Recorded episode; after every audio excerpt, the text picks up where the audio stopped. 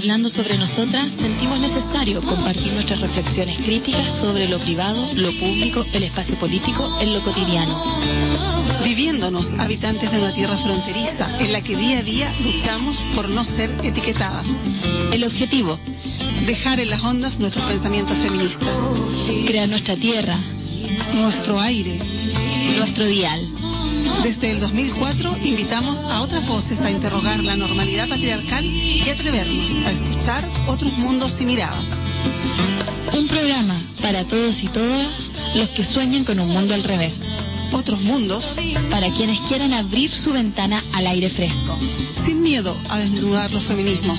Sin miedo a mirar desde las fronteras.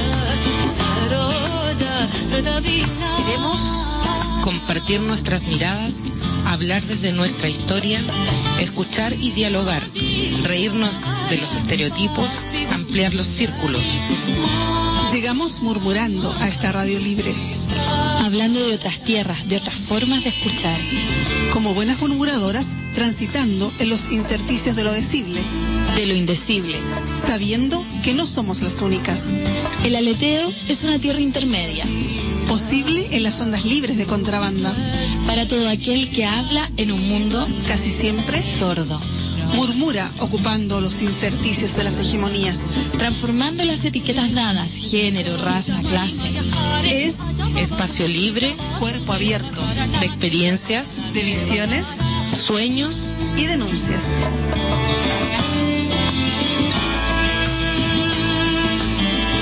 Oportunidad de diálogo.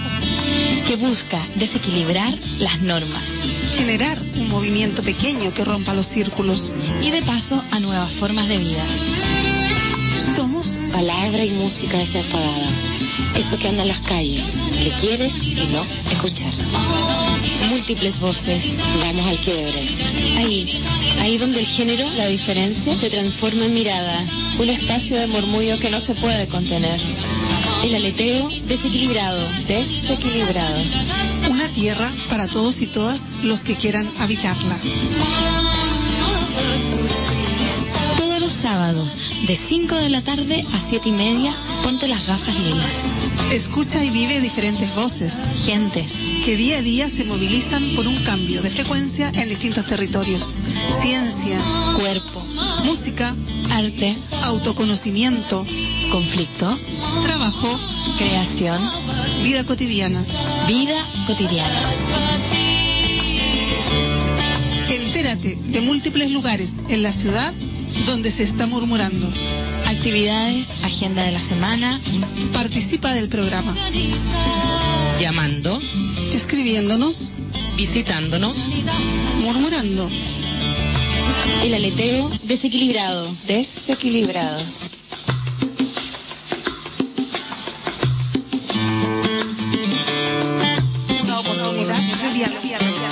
Busca desequilibrar las normas Generar un movimiento pequeño que rompa los círculos. y de paso a nuevas formas de vida. Hola, ¿qué tal? Buenas tardes, ¿cómo están? Bienvenidas, bienvenidos a este último aleteo desequilibrado del año 2013. Estamos en estricto directo, sábado 28 de diciembre, eh, Día de los Inocentes, así que cualquier promesa de Rajoy nos parece que es pertinente para el día de hoy.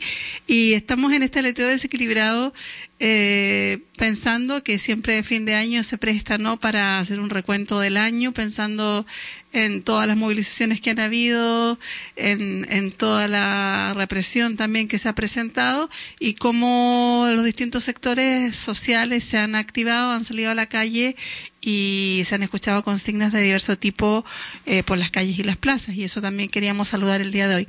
Quería contar que cuando venía a la radio, bueno, antes de llegar al mediodía, pasando por la Plaza San Jaume me encontré con una manifestación de un grupo de gente mayor, bastante mayor, de promedio, no sé, 60 o 70 años, que eran de un grupo de está trabajando por la recuperación de la memoria histórica. Y me pareció fantástico, me pareció muy importante que estuvieran en la calle, porque es una manera también de poner sobre la mesa, poner en el presente la importancia de recuperar la memoria y de que las cosas que han pasado en este país no queden en saco roto, no queden en el olvido.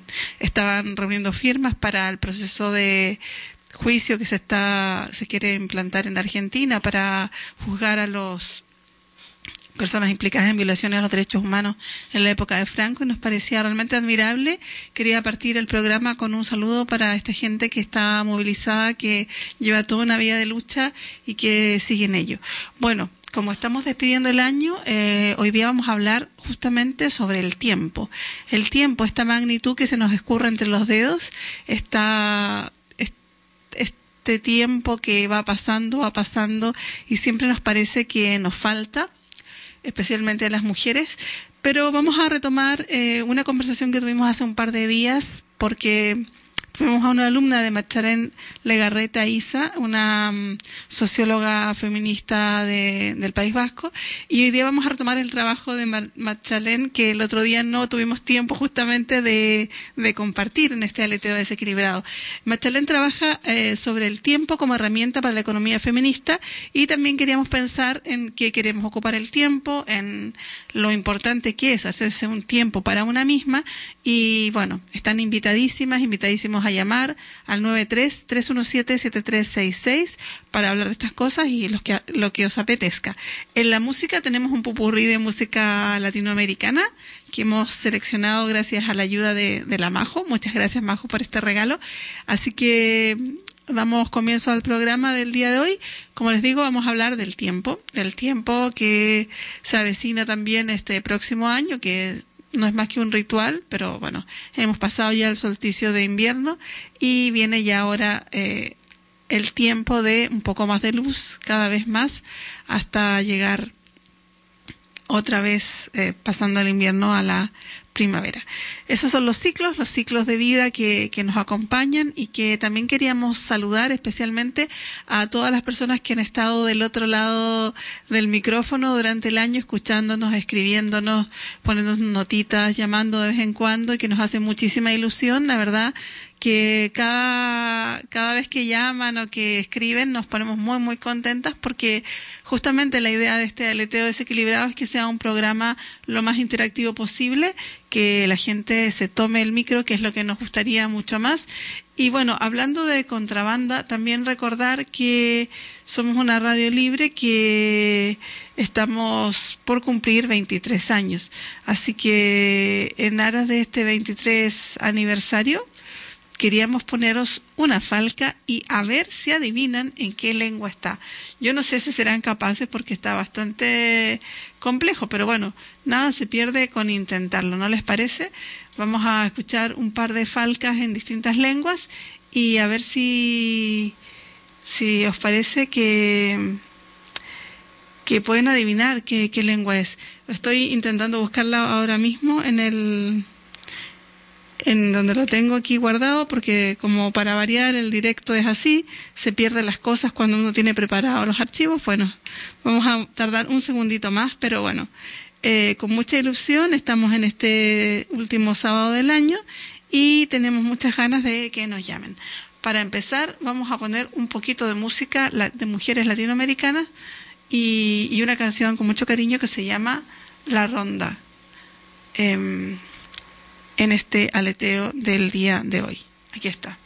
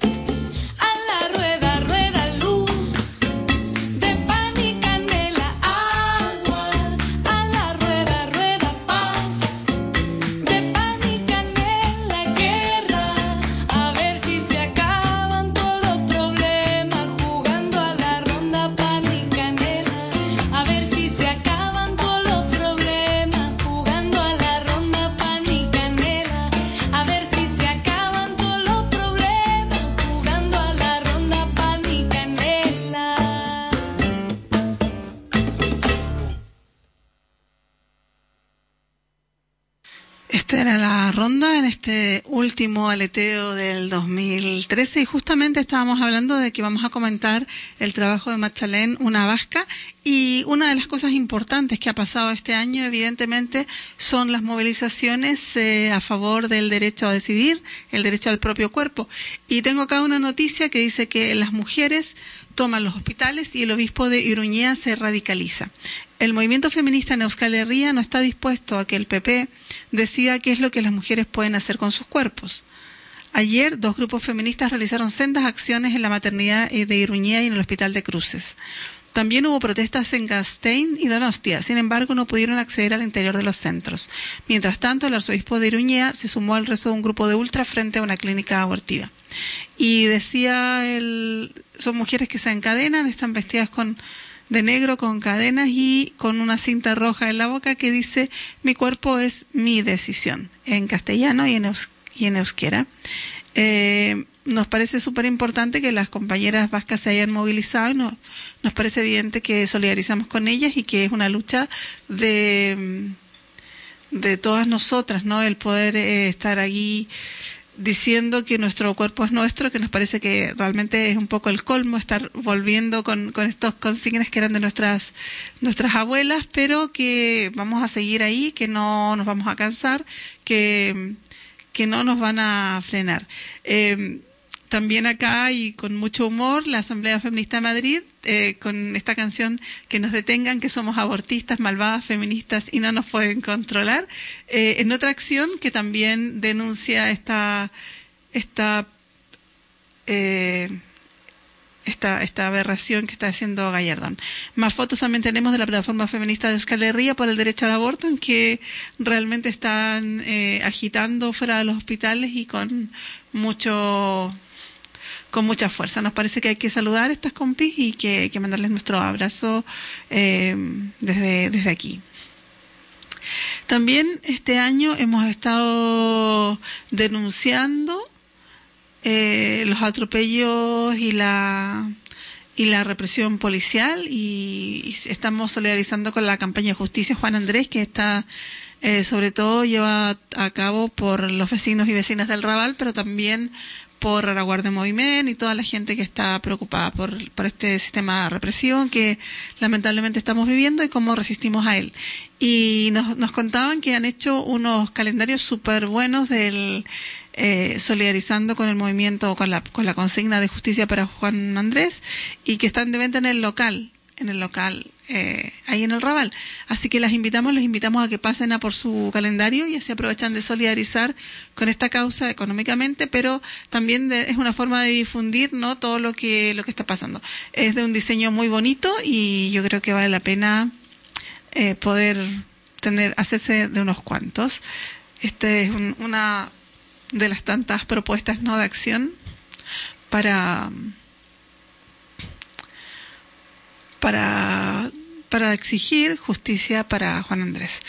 Eh, ¿Qué más? Es que muchas cosas que podríamos contar hoy día, pero pues vamos a hacer, antes de, de seguir con, con nuestro recuento muy somero de, de, este año, porque en realidad no pretendemos hacer un recuento, sino que más bien contar algunas anécdotas y algunas cosas que nos han llamado más la atención, pero decir que evidentemente queremos que nos llamen al 93 317 7366 para que nos digan qué cosa de este año les ha parecido más eh, interesante, importante, horrorosa, en fin, lo que quieran. Vamos a intentar eh, escuchar a Machalén, que nos hablaba sobre el tiempo. Y nos hablaba sobre el tiempo en un contexto bastante interesante, porque era en el contexto de... Eh, en el contexto de... Ah, no, no, perdón, perdón. Les tenía la, la adivinanza que, que, les había anunciado y no les había puesto. Pues aquí está eh, un sonido de un saludo para Contrabanda 23 años que ojalá que pueda alguien que nos está escuchando reconocer en qué en qué lengua está. A ver, un poquito de paciencia, atención, escuchen atentamente.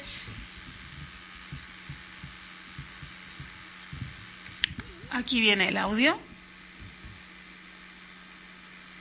Eh, a ver si lo logramos.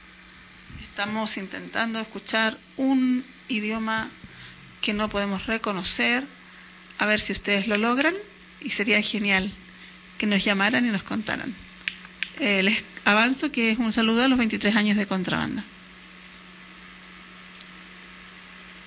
Ya viene, ya viene. 23 años son bastante tiempo, así que unos segunditos en realidad es lo de menos. Contrabanda 23 años. Uy, no nos deja escucharlo. Kontrabanda FM. Barcelona'nın ticari amaç gütmeyen özgür radyosu. İfade özgürlüğü mücadelesinde 23. Lo pondré otra vez, ¿eh? Kontrabanda FM. Barcelona'nın ticari amaç gütmeyen özgür radyosu. İfade özgürlüğü mücadelesinde 23.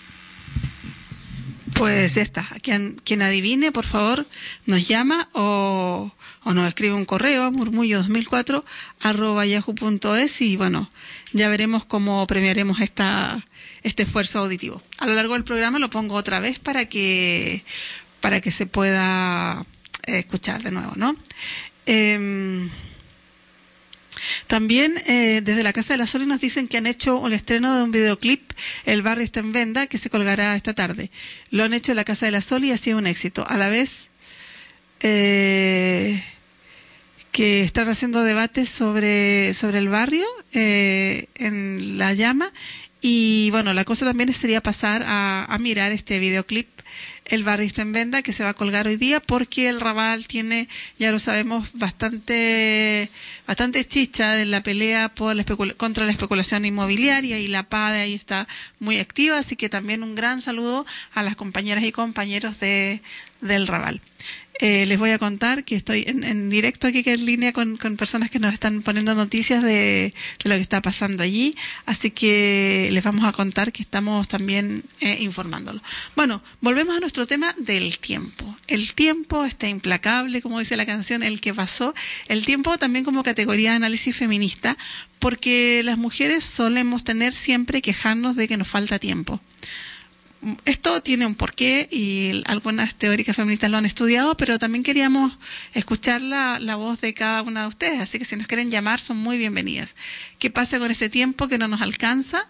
No nos alcanza para nosotras, porque muchas veces tenemos que ocuparnos de lo que ya hemos dicho hasta el cansancio, todo el trabajo reproductivo, que es una carga tremenda y que no es ni siquiera la doble jornada, sino que la triple o la cuádruple jornada de muchas de nosotras.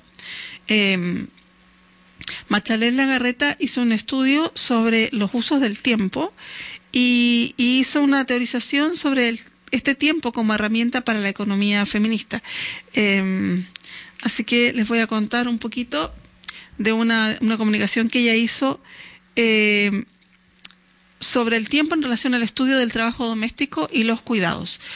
Para ello, eh, ella asume que de alguna manera esto de problematizar el tiempo y supone no dar por supuesto el tiempo, sino que hacerlo explícito. Y esto quiere decir, digamos que se apuesta por una concepción de tiempo plural, multidimensional, no jerárquica y encarnada. Una concepción de tiempo tal ofrece la posibilidad de desgranar las especificidades y matices del trabajo doméstico y los cuidados, haciendo más asible su complejidad al tiempo que permite abordar tanto su dimensión material, las ocupaciones en el sentido estricto, como al inmaterial, aspectos morales y relacionales, entre otros. Machalén nos hablaba de que era muy difícil estudiar el tiempo en la lógica que no se podía, ¿no? En la lógica capitalista, porque el tiempo no es lineal, las mujeres sabemos de sobras que hacemos muchas cosas a la misma vez, simultáneamente. Entonces, esto del tiempo de una acción, luego en otro tiempo otra acción y en otro tiempo otra acción, para nosotras no es estrictamente verdad, porque eh, nos ponemos a hacer cosas, ¿no? Y mientras una cocina, al mismo tiempo está pensando qué tiene que hacer de la compra y puede que esté vigilando que los niños no se caigan, yo qué sé. O puede estar contestando mails en el ordenador, escuchando buena noticia y planificando otro trabajo, todo a la vez. Entonces, esta, esta, esta multiplicidad del tiempo también es algo que, que es interesante de poner sobre la, sobre, sobre explicitarlo, ¿no? Y parte con una cita que dice, ¿Qué es pues el tiempo? ¿Quién podrá explicar esto fácil y brevemente? ¿Quién podrá comprenderlo con el pensamiento para hablar luego de él? Y sin embargo, ¿qué cosa más familiar y conocida mentamos en nuestras conversaciones que el tiempo? Y cuando hablamos de él, sabemos sin duda que, como sabemos o entendemos lo que es cuando lo oímos pronunciar a otro, ¿qué es pues el tiempo? Si nadie me lo pregunta, lo sé, pero si quiero explicárselo al que me lo pregunta, no lo sé. Esta es una cita de Agustín de Hipona de 1986 que justamente eh, hablan de lo, de lo cotidiano que es el tiempo y de lo difícil que es poder aproximarse a estudiarlo. Y dice que la apuesta feminista de poner la sostenibilidad de la vida en el centro ha resultado clave en el sentido de focalizar qué es el tiempo, porque se ha aportado un nuevo marco analítico, una forma de pensar el mundo y la economía que parte de la centralidad de las personas y la satisfacción de sus necesidades, desplazando de su situación privilegiada al mercado y al sistema financiero. Desde esta posición se asume la dependencia del mercado con respecto a la reproducción de la vida, aludiendo que no solo la parte oculta de la economía, que incluye el trabajo doméstico y lo de los cuidados, está estrechamente interrelacionada con la parte visible, la parte productiva y mercantil, sino que sacando a la luz que la primera condición, que la primera es condición sine qua non para la existencia misma de la segunda. Es decir, que es, es imprescindible lo invisible para que ocurra lo visible. Es decir, la famosa metáfora de Amaya Pérez Orozco que usa mucho, ¿no? Del iceberg, que en el fondo lo que se ve, el trabajo que se ve es solo una punta de una gran cantidad de trabajo que queda sumergido bajo el agua. En este intento de hacer visible la parte de la economía que ha sido invisibilizada por las perspectivas clásicas, se puede afirmar que el tiempo ha jugado un papel muy relevante, principalmente como magnitud para cuantificar el volumen de trabajo doméstico y de cuidados. Las encuestas de empleo del tiempo han servido como un medio para producir información sobre el ámbito doméstico familiar y las desigualdades de género que lo caracterizan. A través de estas encuestas se ha puesto de manifiesto que la mitad de los bienes y servicios necesarios para la pervivencia de la sociedad provienen de la esfera doméstica y familiar y que las mujeres siguen desempeñando la mayor parte de este trabajo. Asimismo, según los datos del INE, el trabajo no remunerado constituye el 55% de la carga global del trabajo, tres horas y dos minutos de trabajo no remunerado y dos horas 28 minutos del retribuido. Gracias a la cuantificación se pone de manifiesto, por lo tanto, que en el contexto español en su conjunto, los niveles de bienestar y de riqueza provienen en mayor medida del trabajo no retribuido que del asalariado. Vamos a volver a escuchar un poquito de música y en breve eh, volvemos, esperemos que con la, con la voz de Machalén. Eh, vamos a escuchar ahora La Frontera, en el aleteo desequilibrado, último programa de la, del año 2013.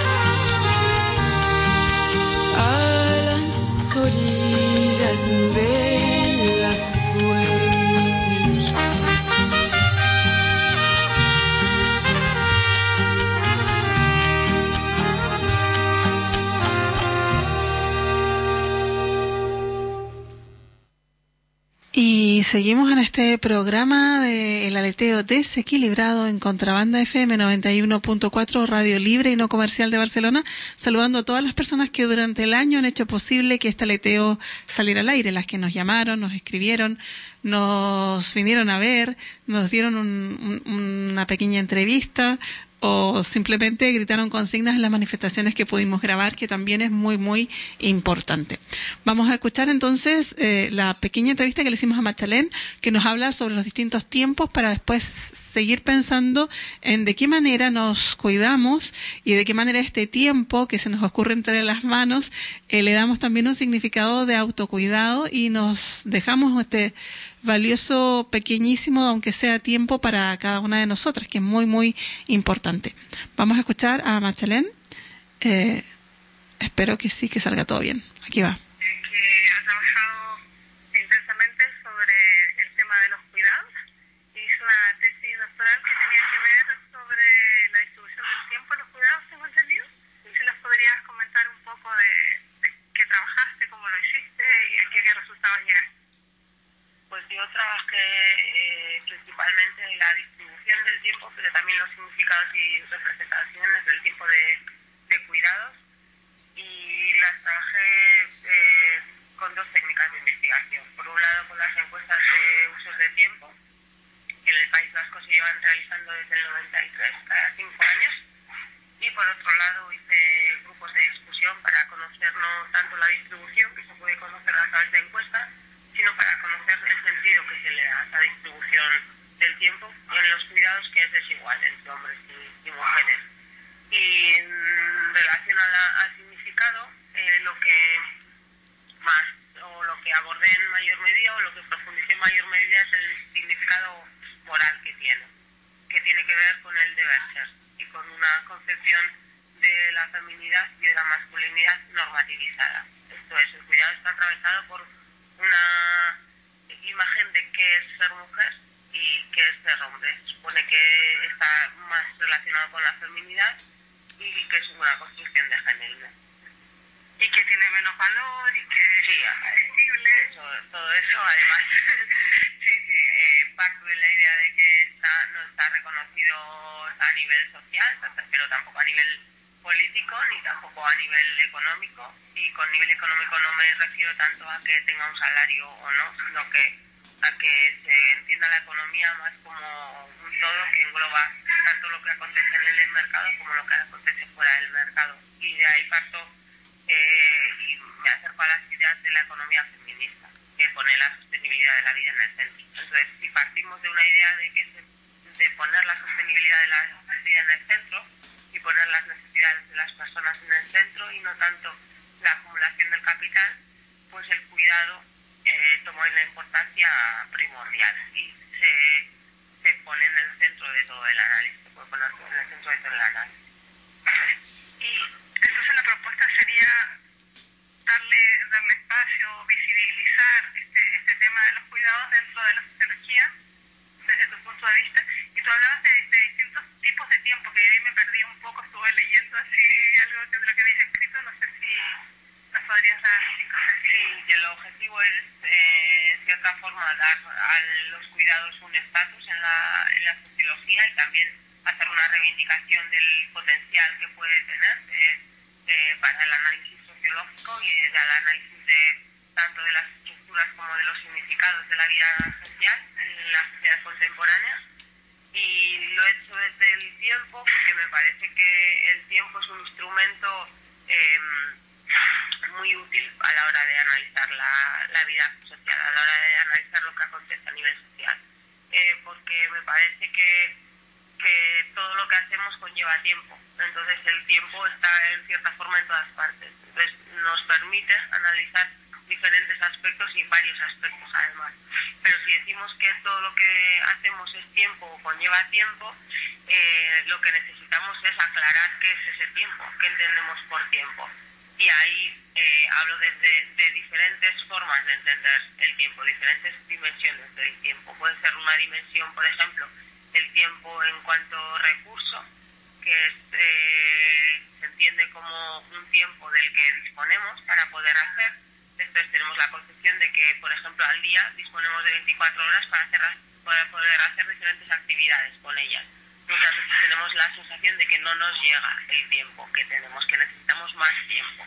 Entonces, en este sentido, eh, se puede hablar del tiempo como recurso y se puede hablar también de una distribución desigual de, del uso que hacemos del tiempo, porque no todo el mundo está en las mismas condiciones para poder, por ejemplo, decidir sobre la gestión del tiempo propio.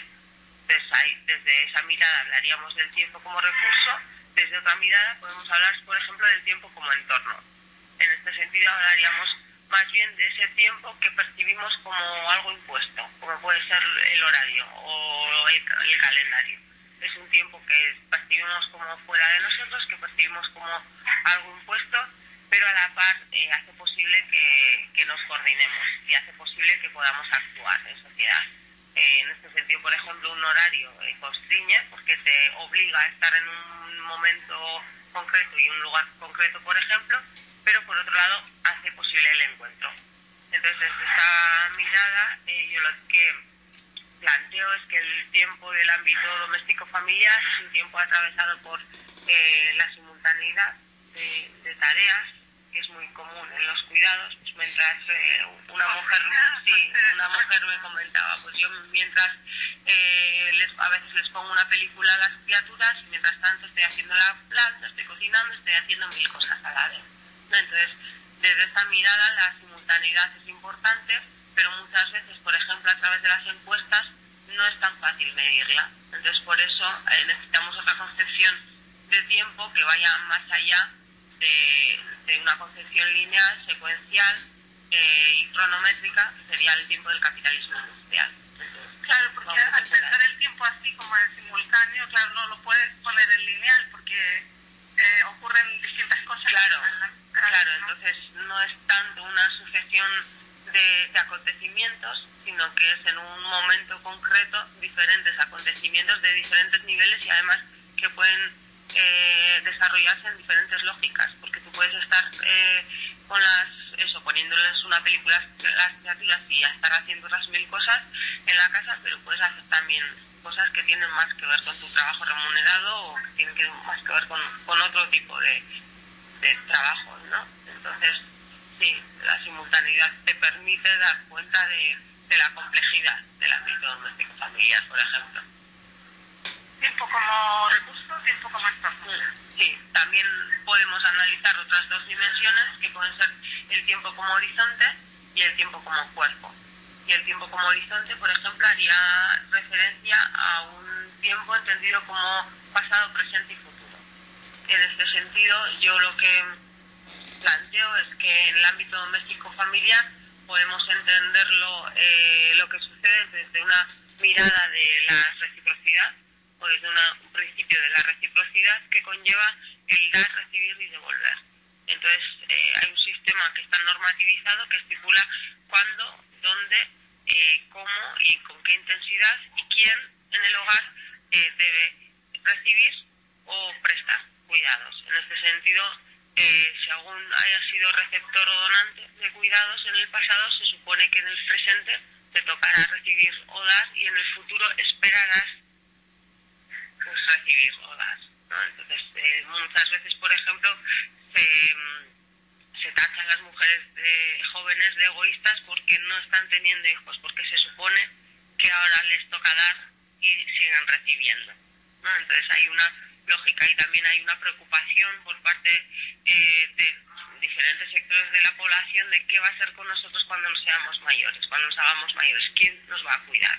Se supone que en ese momento nos tocará recibir tiempo de trabajo doméstico y cuidados, pero no sabemos quién nos lo va a proveer. Entonces hay cierta incertidumbre y angustia también. Y el tiempo como cuerpo tiene que ver con las edades, con el ciclo vital, con hacerlos mayores, con tener la regla, con que nos salga barba. Entonces, eh, en ese sentido, me parece interesante abordar, abordarlo sobre todo en relación a la dicotomía de la autonomía y dependencia.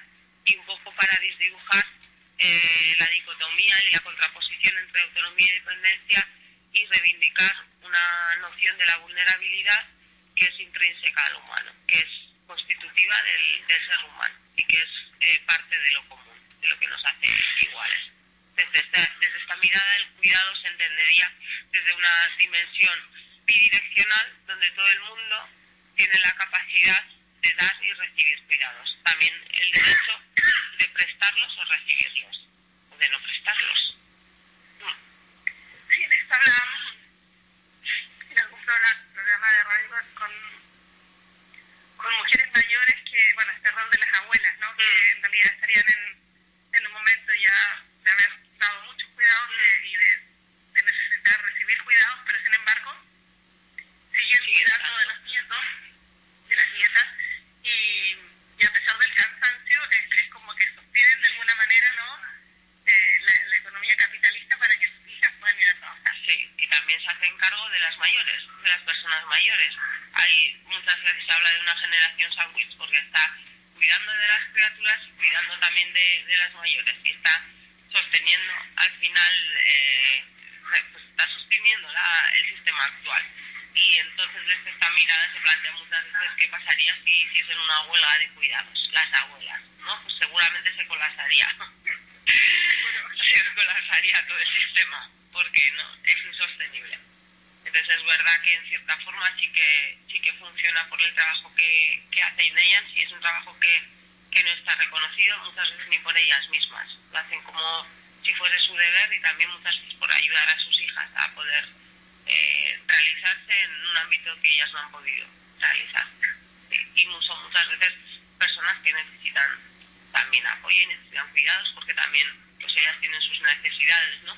En este sentido, eh, algunas autoras como Amaya Orozco o yo misma hablamos de, Amaya Orozco habla de una ética reaccionaria del cuidado y yo hablo de una eh, concepción de la domesticidad heredera- heredada que hace referencia a, a, bueno, a, la, a la interiorización de una disposición de dar eh, y de cubrir las necesidades del otro y no estar atenta a las, a las de una propia, ¿no? Y ahí entonces mm, se podría también abordar desde una mirada del autocuidado, qué pasa con el autocuidado de, de estas personas o qué pasa también con las necesidades de estas personas, que muchas veces no son percibidas por ellas mismas siquiera, ¿no? que tienen una disposición a, a dar y no tanto a, cuidar de los otros y no de, no de sí no mismos. de sí mismo. Sí, en ese sentido parece como muy interesante eh, que las personas que están en esta generación sándwich o, o, o en esta situación de estar cuidando siempre permanentemente a los otros y no, y no mirando qué necesidad ajena, qué autocuidado se requiere, eh, valoren el trabajo que hacen, que, que, que, que no le dan valor ni ellas mismas, en ese sentido no sé si conoces alguna experiencia o grupos de discusión que, que faciliten la toma de conciencia sobre la importancia que tienen estos trabajos para las personas que lo proporcionan. Un poco como poner en valor sus tiempos, sus energías. Pues yo cuando doy charlas sobre distribución desigual del tiempo es uno de los objetivos que, que suelo marcar la mayoría de las charlas vienen sobre todo mujeres, muchas de, la, de las que tú, que tú, pues de las que hemos hablado. Y sí que intento visibilizar la importancia que tienen los cuidados y muchas veces lo que lo que pongo al final de la charla es la imagen de un iceberg que está utilizada por Amaya Orozco, también por María Ángeles Durán, que es un poco eh, para valorizar toda esa parte de, del trabajo que queda debajo del agua, pero que es eh, y que es invisible, pero que es eh, imprescindible para que se sostenga la vida y para que se sostenga todo el sistema, también lo que está presente y lo que está eh, fuera del agua. Entonces muchas veces lo que les digo es que deberían imprimirse un iceberg y ponerlo en la nevera para que toda la familia se acuerde del trabajo que hacen ellas cuando abra la nevera, ¿no? Muchas veces lo que ocurre también es que las eh, mujeres que más necesitan eh, de, de, bueno, ser atendidas y, y ser atendidas no solo porque tampoco quiero hablar desde una posición victimista, pero eh, sí, las mujeres que más agobiadas viven y, y que eh, desarrollan una in- labor intensa de, de cuidados en el día a día son mujeres que no tienen tiempo para ir a este tipo de, de actividades o muchas veces también viven eh, aisladas físicamente, geográficamente. Yo, por ejemplo, en el País Vasco hay muchos municipios pequeños donde eh, los caseríos están fuera del centro de- del municipio y las mujeres no tienen tampoco vehículo motorizado para poder acercarse. Igual se acercan una vez a la semana, ¿no? Y yo que también hago planes de igualdad en este tipo de municipios y cuando hacemos grupos de discusiones con ellas agradecen muchísimo el que las escuchemos, el que tener un espacio para, para compartir su experiencia y ver que no es única, pero también dicen que es que no tienen la posibilidad tampoco de, de poder acceder a este tipo de espacios pues porque no ni tienen el tiempo ni tienen la movilidad física muchas ¿no? Entonces viven bastante, una situación de bastante aislamiento muchas veces. Claro, por lo mismo, dinámicas de, de- de tiempo, de falta de tiempo y de... Sí. También. Em, tú viniste a hacer un seminario a, a la Universidad Autónoma de Barcelona y te quería preguntar si, si nos podías dar un par de pinceladas de- después sobre los cuidados Sí. y que nos contaras así un poquillo qué, qué hablas. Bueno, pues hablé un poco de todo esto que acabo de hablar y lo que hicimos fue, era una sesión de tres días. Entonces el primer día hicimos una dinámica de una reflexión situada para, para reflexionar un poco de, sobre nuestro día a día y cómo se estructura nuestro día a día y también para reflexionar sobre los instrumentos de medida que existen hoy en día para analizar el día a día y para analizar nuestra distribución de- del tiempo diario. Y fue una, un ejercicio que hicimos eh, a través de las encuestas de uso de tiempo, utilizando las encuestas de usos de tiempo y luego eh, dibujando en, en cartulinas nuestro día a día de, de forma colectiva.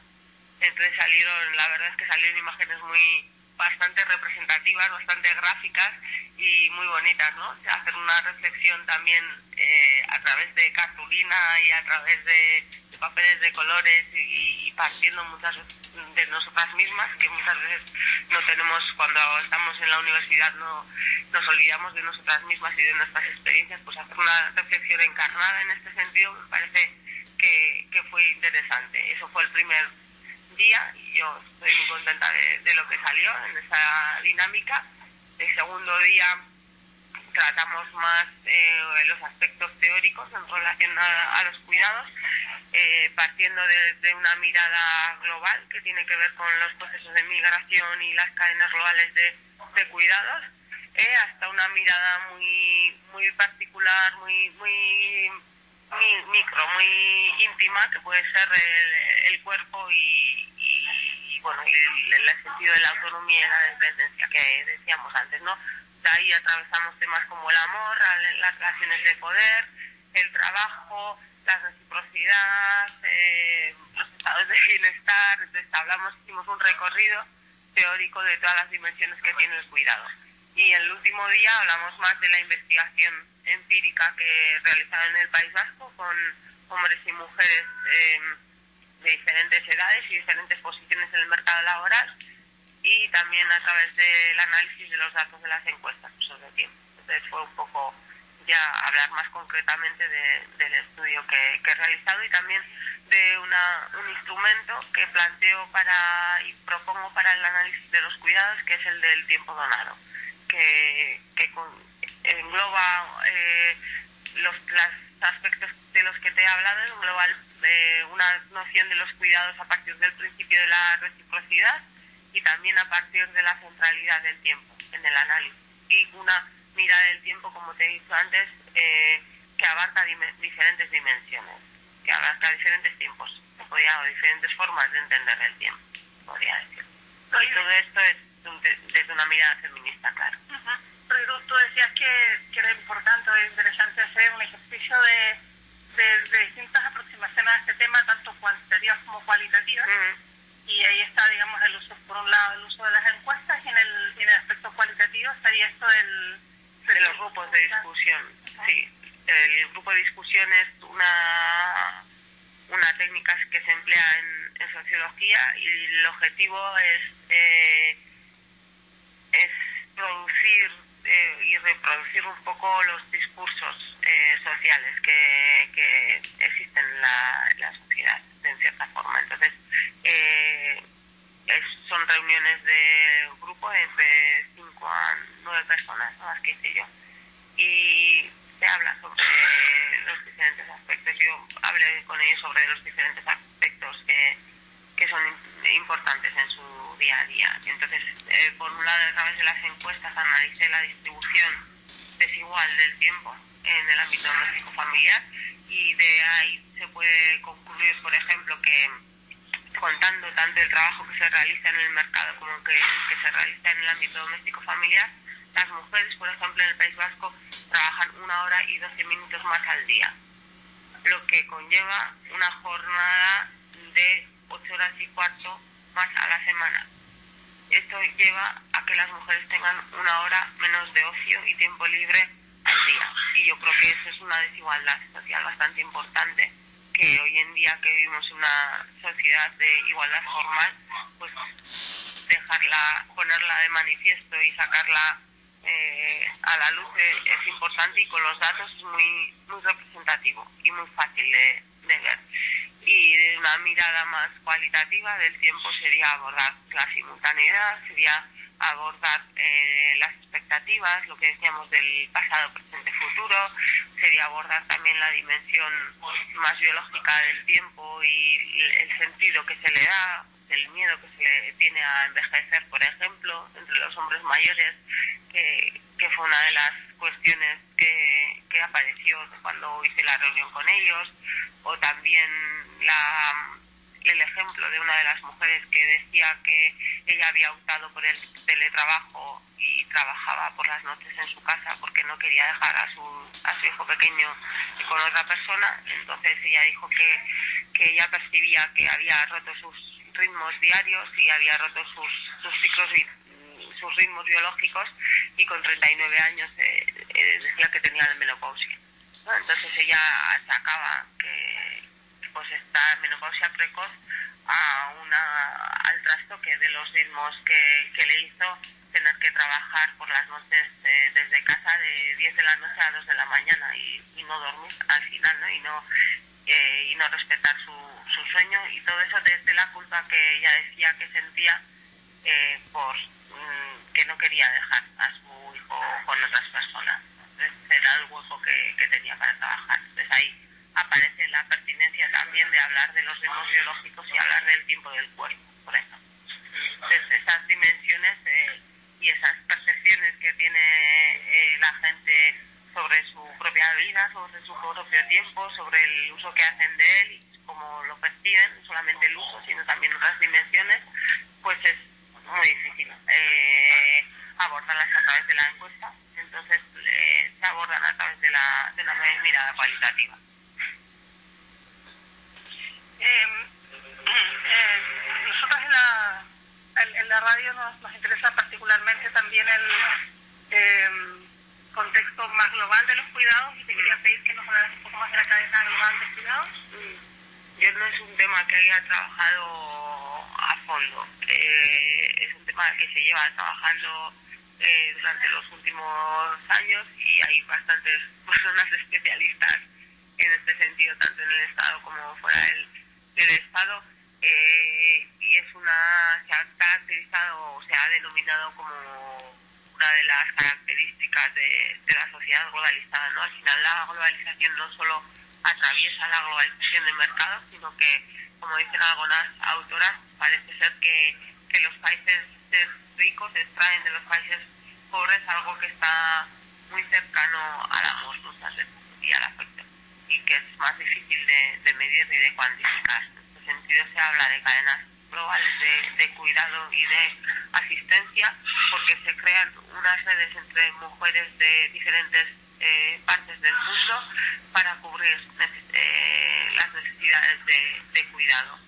Que pues al final las que emigran dejan un hueco en sus países de origen que muchas veces es eh, pues llenado por otras mujeres. Pueden ser también migrantes de que por ejemplo vienen de los de las zonas rurales de, de estos países que emigran a las zonas urbanas ¿no? entonces eh, se crean en este sentido eh, las cadenas de asistencia y afecto. También se habla de que bueno de que las bases de afectos es de amor pero es también de, de volumen de trabajo. Y también hay una parte ahí de, de materialidad del, del, trabajo que no tenemos que olvidar. Trabajo y es mucho trabajo además entonces eh, en ese sentido eh, lo que se crea a través de las cadenas globales de cuidado son muchas veces nuevas desigualdades entre entre mujeres entre unas mujeres que son empleadoras y otras que son eh, empleadas de, del hogar y en ese sentido se crean situaciones de, de, de subordinación muchas veces de relación asimétrica de poder que están atravesadas eh, no solo por el género sino también por la clase social, la etnia, la procedencia, la situación legal y muchas muchas otras. Eh, y también se crean desigualdades entre unas mujeres de los países ricos por ejemplo que pueden pagar a alguien y entonces pueden eh, pues eh, o desarrollarse laboralmente de alguna forma o pueden estar más desahogadas y mujeres que no tienen la posibilidad de pagar a, alguien entonces o que tienen que hacerse cargo de todo el volumen de trabajo que tienen que eh, pues eh, tirar de las redes familiares ¿no? que es lo, el ejemplo que decíamos de las abuelas entonces también se crean desigualdades entre las mujeres que realmente pueden eh, pagar a alguien para desahogarse y para quitarse parte del trabajo, porque hoy en día eh, sigue estando la mayor parte del trabajo doméstico y los cuidados sigue estando en manos de las mujeres y sigue siendo responsabilidad de las mujeres. Entonces se crean en este sentido nuevas desigualdades entre, entre mujeres y yo lo que veo es también que se refuerzan las viejas desigualdades de género, las desigualdades entre hombres y mujeres, porque al final, al externalizar parte del trabajo doméstico y los cuidados, eh, lo que ocurre, y esto se ha visto también en otros análisis, es que las mujeres se siguen haciendo eh, cargo en solitario de la parte que, que, que, no queda externalizada, que no es remunerada. Entonces, y es muy curioso también esto de que son mujeres que cuando las mujeres, normalmente sí. no, no es el, el, el, el hombre, la pareja que dice cuando vemos a las personas. Y además muchas veces se paga con el sueldo, con la parte del sueldo de la mujer. Y, y quien, quien organiza, quién se va a comprar, es la mujer, ¿no? igual es la mujer, y tiene que ver con lo que tú decías moral, ¿no? De deber ser y de los roles. Sí, y también creo muchas veces se eh, ralentizan posibles conflictos en los hogares, porque ya como hay una parte que está externalizada, la parte que no está externalizada se puede asumir por una persona. Entonces ahí no hace falta negociar con la otra parte cómo se reparte el trabajo doméstico y los cuidados, porque es menos el volumen, entonces es más fácil de, de sobrellevarlo y de gestionarlo. Entonces yo creo que en ese sentido también pone algún freno a posibles conflictos que pueden llegar a posibles negociaciones en el ámbito doméstico familiar y a una posible renegociación de roles. Yo curiosidad por preguntarte, eh, en los, grupos de discusión participaban varones, me imagino, y cómo eh, había algún intento de, de, darse cuenta realmente de todo lo que ellos no trabajaban o, o había la... Eh, por, mi, por mi parte no. Y había, hice grupos eh, o solo de mujeres o solo de varones, no mezclé, eh, hice grupos mixtos, solamente hice grupos mixtos entre población muy joven, menor de 25 años, y no, no hice grupos mixtos. Y no, por parte de ellos no había mucha reflexión en este sentido, sobre todo no había reflexión por parte de los eh, varones con, em- con empleo, había más eh, problematización por parte de los varones jubilados porque se veían, veían que estaban en un momento de sus vidas que no les correspondía. Ellos habían, lo que te decían desde el pasado, presente futuro. Ellos tenían unas expectativas en el pasado sobre su momento presente que no se están cumpliendo. Pensaban que con la jubilación estarían fuera del mercado y como ya habían cumplido con su rol de trabajadores y de hombres ganadores de paz, pues ahora les tocaba descansar. Pero se están encontrando que tienen que hacerse cargo de algunas tareas del hogar, que tienen que eh, hacerse cargo del cuidado de personas mayores, que tienen que hacerse cargo con el cuidado de, criaturas, por lo menos ellos lo vivencian así. Igual el tiempo que dedican no es tanto, pero como antes no lo hacían, le dan una dimensión nueva y lo valoran. Y entonces sí que ellos tienen una sensación de, de estar eh, involucrados en este ámbito y que además es una sensación extraña por parte de ellos, que no se la esperaban. Los hombres con trabajo remunerado dicen que, que los que yo he entrevistado, con los que yo he estado, eh, parten de una actitud colaboradora que dicen que sí que hacen eh, tareas domésticas y sí que ayudan, según ellos, y sí que colaboran, pero realmente luego se ve que realmente no es una parte esencial de sus vidas, porque hablaron de otras mil cosas y casi no prestaron atención a este ámbito. Y por mi parte el objetivo no era tanto concienciar, sino era un poco reproducir el discurso que ya existe a nivel social, ¿no? Entonces eh, no hice ningún intento de, de este tipo de concienciamiento o algo así, pero sí que me di cuenta de que lo que hacían era reafirmar su rol de hombres de ganador de paz. La hora para ahí. ¿Hay que tomar el... ¿A qué hora? Esta era parte de la entrevista que hicimos con Marchel La- Lagarrega, eh, esta socióloga vasca que estuvo acá hablando sobre los cuidados, sobre el tiempo. Eh, la recomendamos realmente sus trabajos, se puede leer en internet y da cuenta no de la importancia que tiene el tiempo como por una parte académicamente categoría de análisis, pero en nuestras vidas, el tiempo, el tiempo que dedicamos a cada cosa que hacemos, el tiempo que nos falta para hacer las cosas que nos gustaría hacer y la importancia de hacer las cosas que, que queremos hacer. Les voy a poner un tema de música para hacer una pequeña pausa, pero antes de eso una falca para animarlos, animarlas a que nos acompañen en el concierto de 23 años de contrabanda que va a ser el próximo 18 de enero. Así que vayan apuntando, sacando agendas. El 18 de enero es fiesta 23 años de contrabanda. Y por supuesto están invitadísimas, invitadísimos. Los esperamos. Esto es de estos eventos que se hacen una vez al año, así que no se puede perder. Yo creo que es más que súper, súper recomendable. Contrabanda de cumpleaños.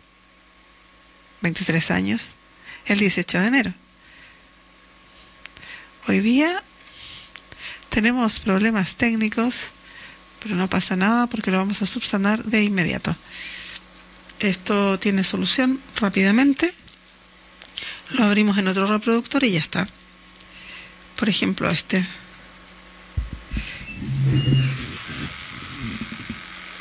Contrabanda, Radio Libre.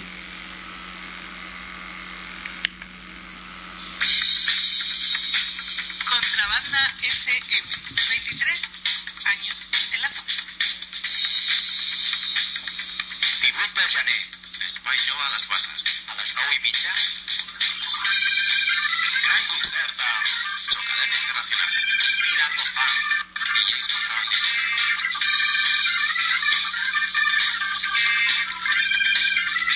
Espai Jove a les Bases, Carretera número 20, metro, línea 5 y la piscina. preu de l'entrada 5 euros con CD de regalo.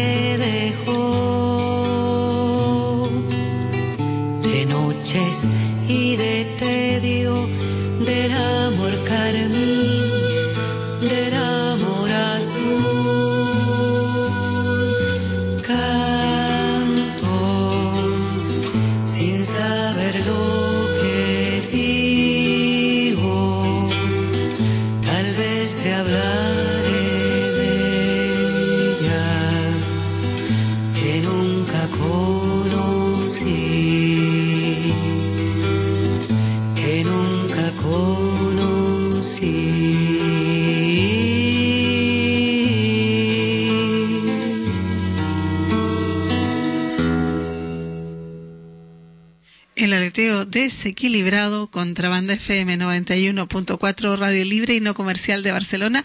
Hoy día despidiendo el año hablando, eh, como compartíamos hace un momento, una entrevista con Machalén Lagarrega, que es una socióloga del País Vasco que ha hecho interesantes estudios sobre el uso del tiempo, sobre eh, cómo este tiempo que el capitalismo nos enseña que es lineal, ¿no? Y que es tiempo igual trabajo, eh, no es tan fácil de verlo así porque es una construcción social, porque eh, hay un tiempo simultáneo, porque a veces pasan muchas cosas en el mismo tiempo y esto no se puede medir con un, con una, de una forma lineal.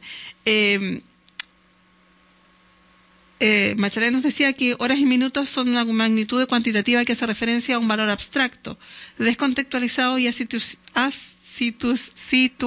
ahí, sin situación vamos, eh, el tiempo del reloj.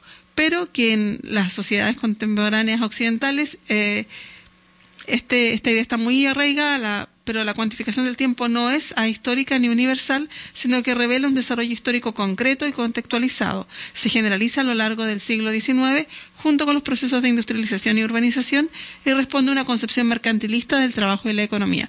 Pensemos que antes el tiempo era el tiempo más natural, no el tiempo de los ciclos, de las estaciones.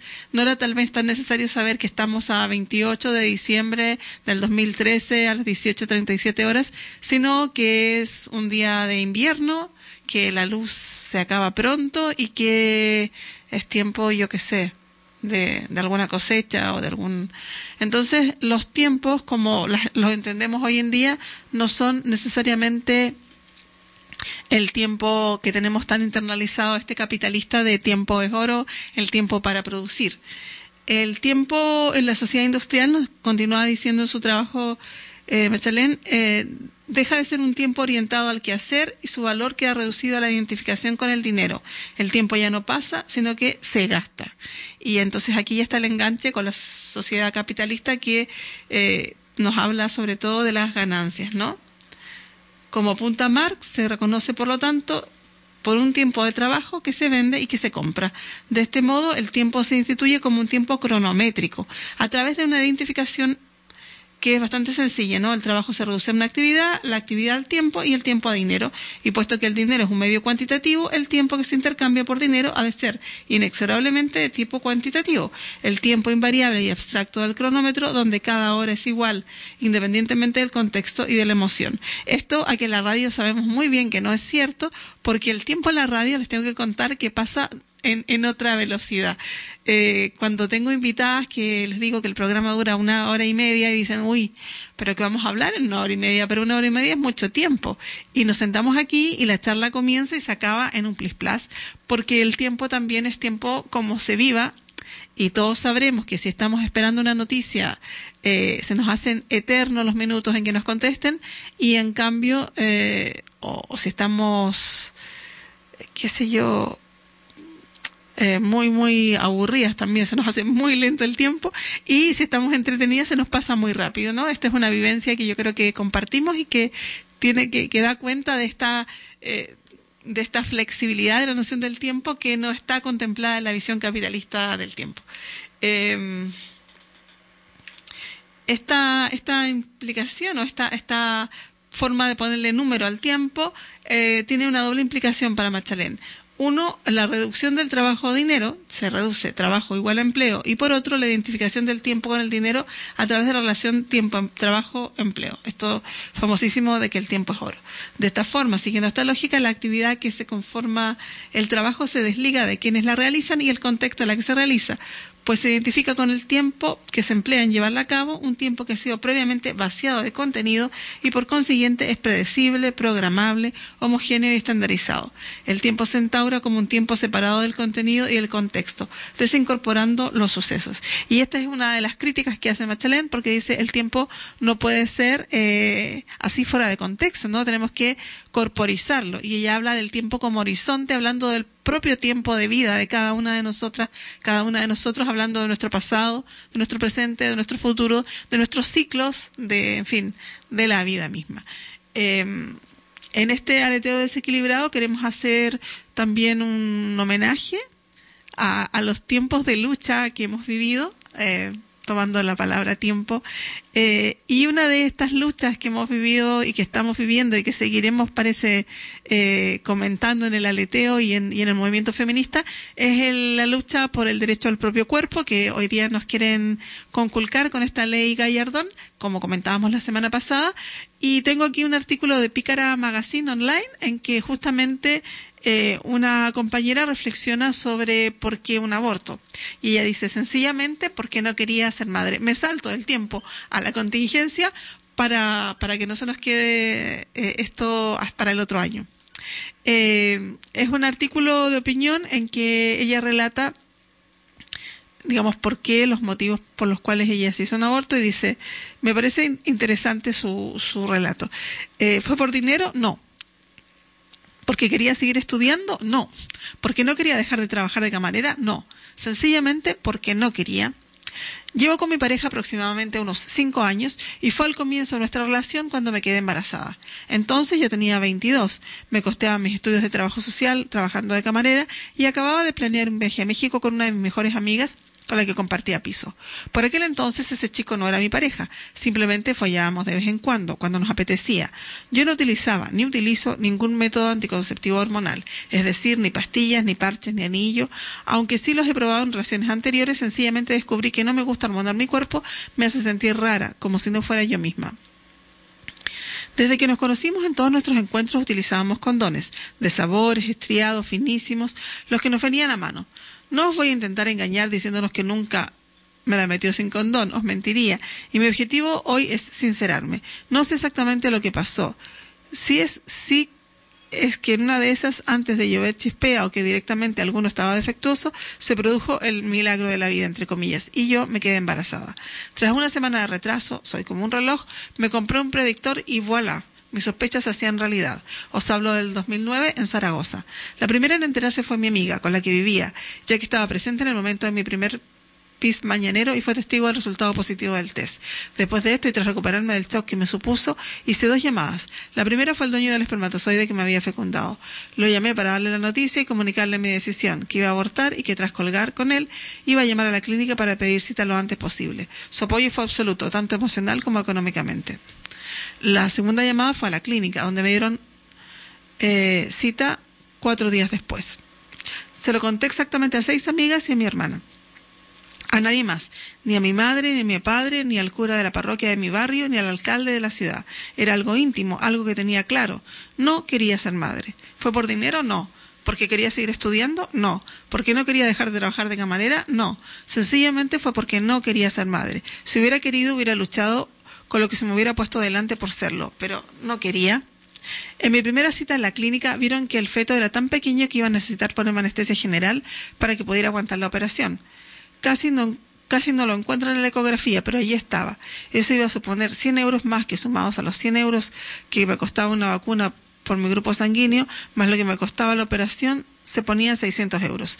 Tuve suerte de contar con una, comillas, pareja, que en ese momento ni siquiera lo era, y con unas amigas que me ayudaron a pagarlo. Suerte, porque no, no todas las mujeres se lo podían permitir ni se lo podrán permitir si se aprueba la reforma de ley. Mi cabecita loca y yo acabamos de gastar mis ahorros de en pagar el viaje que íbamos a realizar a México. Sí, después de eso me fui a México porque es mi vida y mi dinero y hago lo que eh, me da la gana con ello. Me realizaron la operación a las dos semanas de la primera cita. Tenía que esperar un poco dado el pequeño tamaño del feto. No os voy a ocultar mis nervios. Era la primera vez que entraba en una sala de operaciones. Ni siquiera me habían puesto puntos jamás en la vida.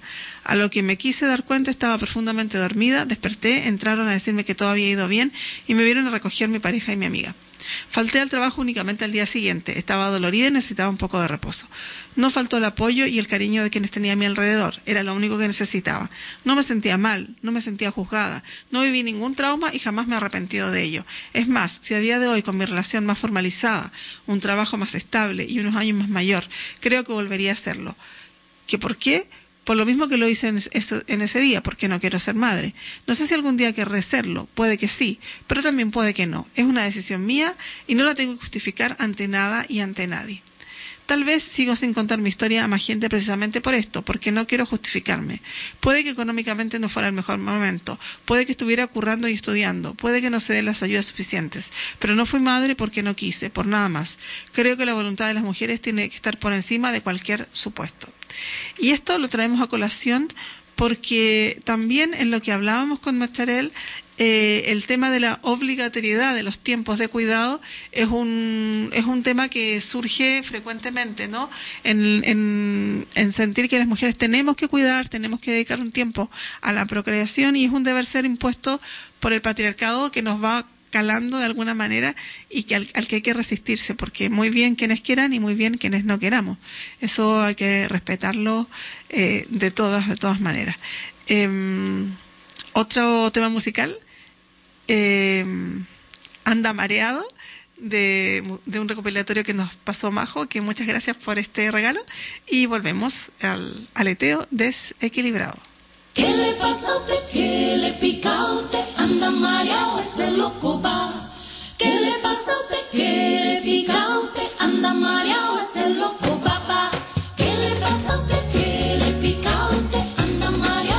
Loco va. ¿Qué le pasa a usted?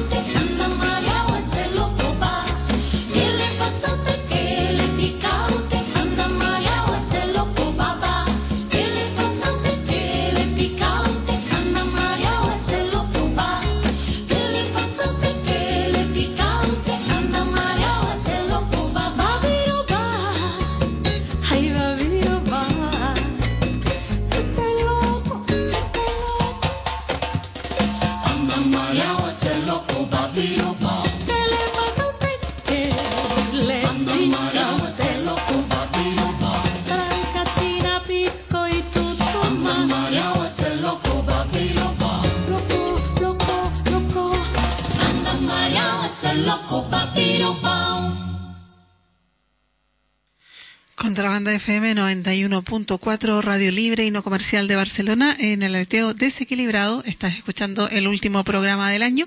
Hoy hemos compartido una entrevista con Machalén eh, sobre el tiempo, el tiempo que, que no es solamente este tiempo lineal que nos plantea la economía capitalista, sino que el tiempo como, como una categoría de análisis que es muy, muy eh, poliédrica, ¿no? Que se puede mirar desde distintos sitios y que ella nos proponía que lo, hiciéramos en relación a, la- que fuese como un recurso, al tiempo como horizonte, al tiempo también corporalizado en cada una de nosotras y de nosotros con nuestras historias personales y con nuestros proyectos de vida.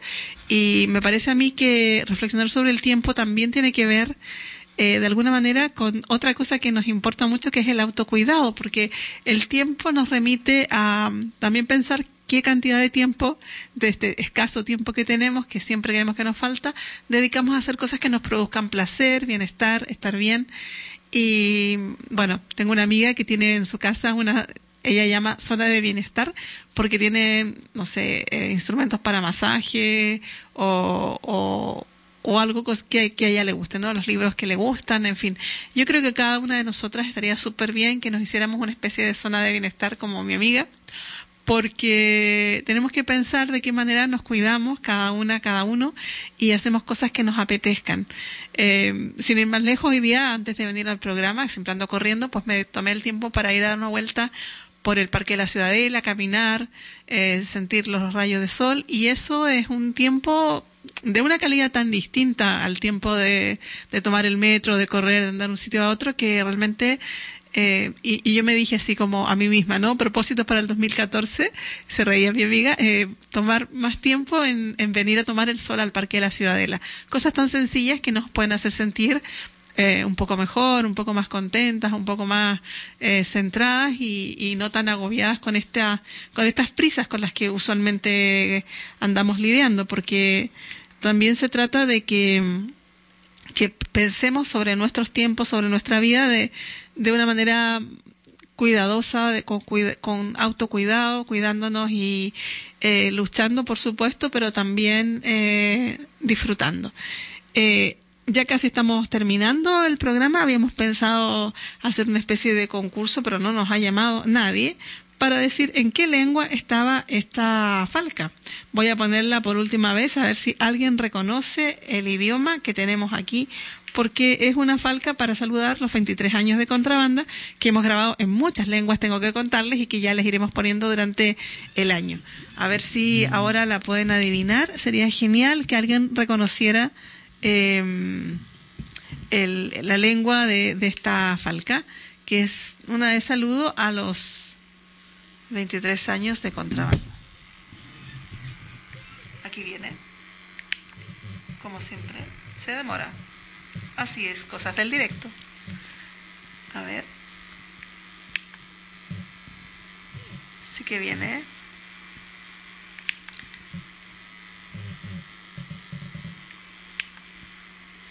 Esto es Contrabanda FM 91.4 y esto es el aleteo desequilibrado en su último programa del año.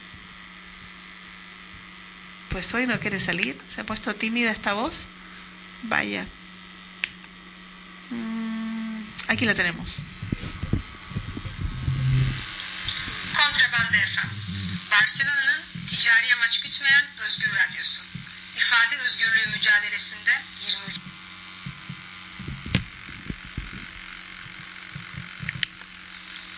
Kontrabanda FM. Barcelona'nın ticari amaç gütmeyen özgür radyosu. İfade özgürlüğü mücadelesinde 20 Dice Contrabanda FM 91.4 Radio Libre y No Comercial de Barcelona, 23 años por la libertad de expresión. Eh, la pregunta es, ¿en qué lengua estaba? A ver si alguien logra desentrañar el misterio que teníamos para hoy. En fin, no le vamos a decir a nadie todavía qué idioma es, porque le queremos agradecer a la amiga que nos ha grabado esta falca su buena disposición y las ganas también de participar en este espacio radial. Contrabanda FM es una radio libre, no comercial, autogestionada, que está abierta y encantadísima de nuevas propuestas, de nuevas eh, ganas de hacer radio, así que si alguna, si alguno se anima, si tiene ganas de decir la suya, de contar qué hacen en su grupo o, o de literatura o de música o de movimientos sociales o de lo que le venga en gana, siempre que sea obviamente no comercial, eh, está muy, muy invitado, invitado a que participe, a que venga a la radio y que nos cuente eh, por dónde anda elucubrando. Saludar a toda la gente que este año ha hecho posible las movilizaciones sociales porque eh, cada una ha aportado su, su grito en, en, la calle para defender nuestros derechos y nos parece súper, súper importante. La semana pasada estuvimos con el programa especial de Derecho al Propicos por el derecho al aborto eh, libre y gratuito, eh, en que hicimos esta manifestación espontánea frente a la subdelegación del gobierno exigiendo que se respetara este derecho. Y nos parece que el año que viene será un año en que continuaremos en este afán, porque nos lo ponen así de complicado, pero bueno, vamos a seguir con mucha alegría porque sabemos que es mucha gente en todo el Estado español y también de otras partes del mundo. Nos emocionaba ver manifestaciones de las compañeras de México frente a la Embajada Española, de la gente de, Francia que está movilizada también apoyando y enviando saludos, enviando redes de direcciones para si es necesario apoyar también con la logística, que esperamos que no. Así que, bueno, un gran, gran abrazo, los mejores deseos de, de un 2014 lleno de, de más justicia social, de, de, más mirada feminista en la calle, de más lila. Eh, más gafas lilas por todos lados, que eso es lo que nos gustaría. Y ya nos vamos despidiendo porque el tiempo pasa implacablemente, como hoy día hablamos exactamente sobre el tiempo. Decirles que esperamos que nos escriban a murmullo2004 arroba yahoo.es para que nos comenten los temas que les gustaría que tratásemos el año que viene. Y por supuesto, apuntar en la agenda la fiesta de contrabanda que va a ser el 18 de enero en... ¿Dónde era? En bueno, pongo la falca mejor y así no improviso. Pero el 18 de enero es nuestra fiesta de aniversario y, y es para, por una parte, reunir fondos para la radio, evidentemente, pero también para celebrar que estamos aquí como medio libre, no comercial y autogestionado, sobre todo para dar la voz a todas las personas que nos escuchan y que quieran decir lo que en otros lugares no, no sale. Contrabanda, les mandamos un gran, gran abrazo y nos despedimos con esta consulta farmacéutico que es muy representativa de, del afán de contrabanda. Tens símptomes de sentir sempre el mateix per tot el dial? Tens estats carencials d'expressió o de difusió de les teves idees? Contrabanda FM. Ràdio lliure i no comercial de Barcelona. Contrabanda FM és un mitjà lliure. Aquesta emissora està contraindicada pels amants de l'ESGAE. En cas de dubte, consulteu la nostra pàgina web contrabanda.org.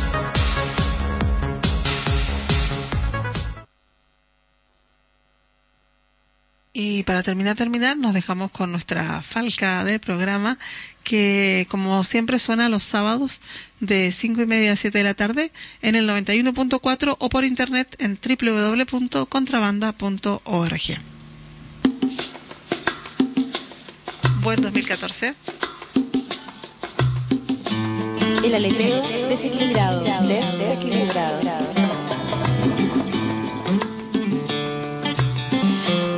Pensando, hablando sobre nosotras, sentimos necesario compartir nuestras reflexiones críticas sobre lo privado, lo público, el espacio político, en lo cotidiano.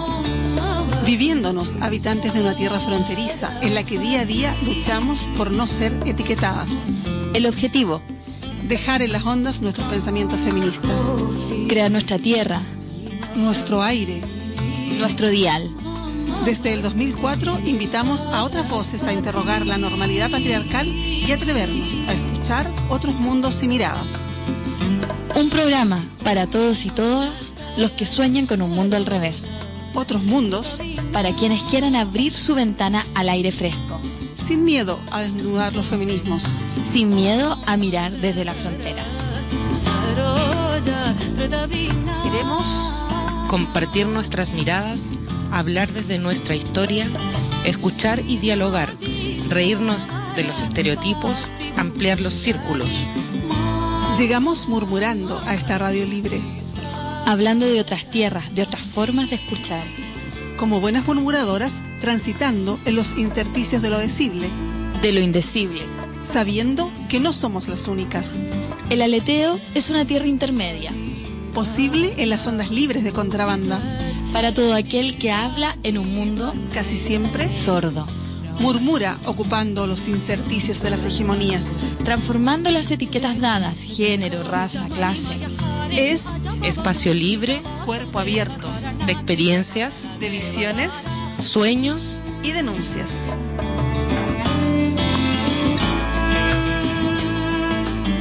Una oportunidad de diálogo, que busca desequilibrar las normas generar un movimiento pequeño que rompa los círculos. y de paso a nuevas formas de vida. Somos Palabra y música desenfadada. Eso que anda en las calles, que quieres y no escuchar. Múltiples voces. Vamos al quiebre. Ahí, ahí donde el género, la diferencia, se transforma en mirada. Un espacio de murmullo que no se puede contener. El aleteo desequilibrado, desequilibrado. una tierra para todos y todas los que quieran habitarla.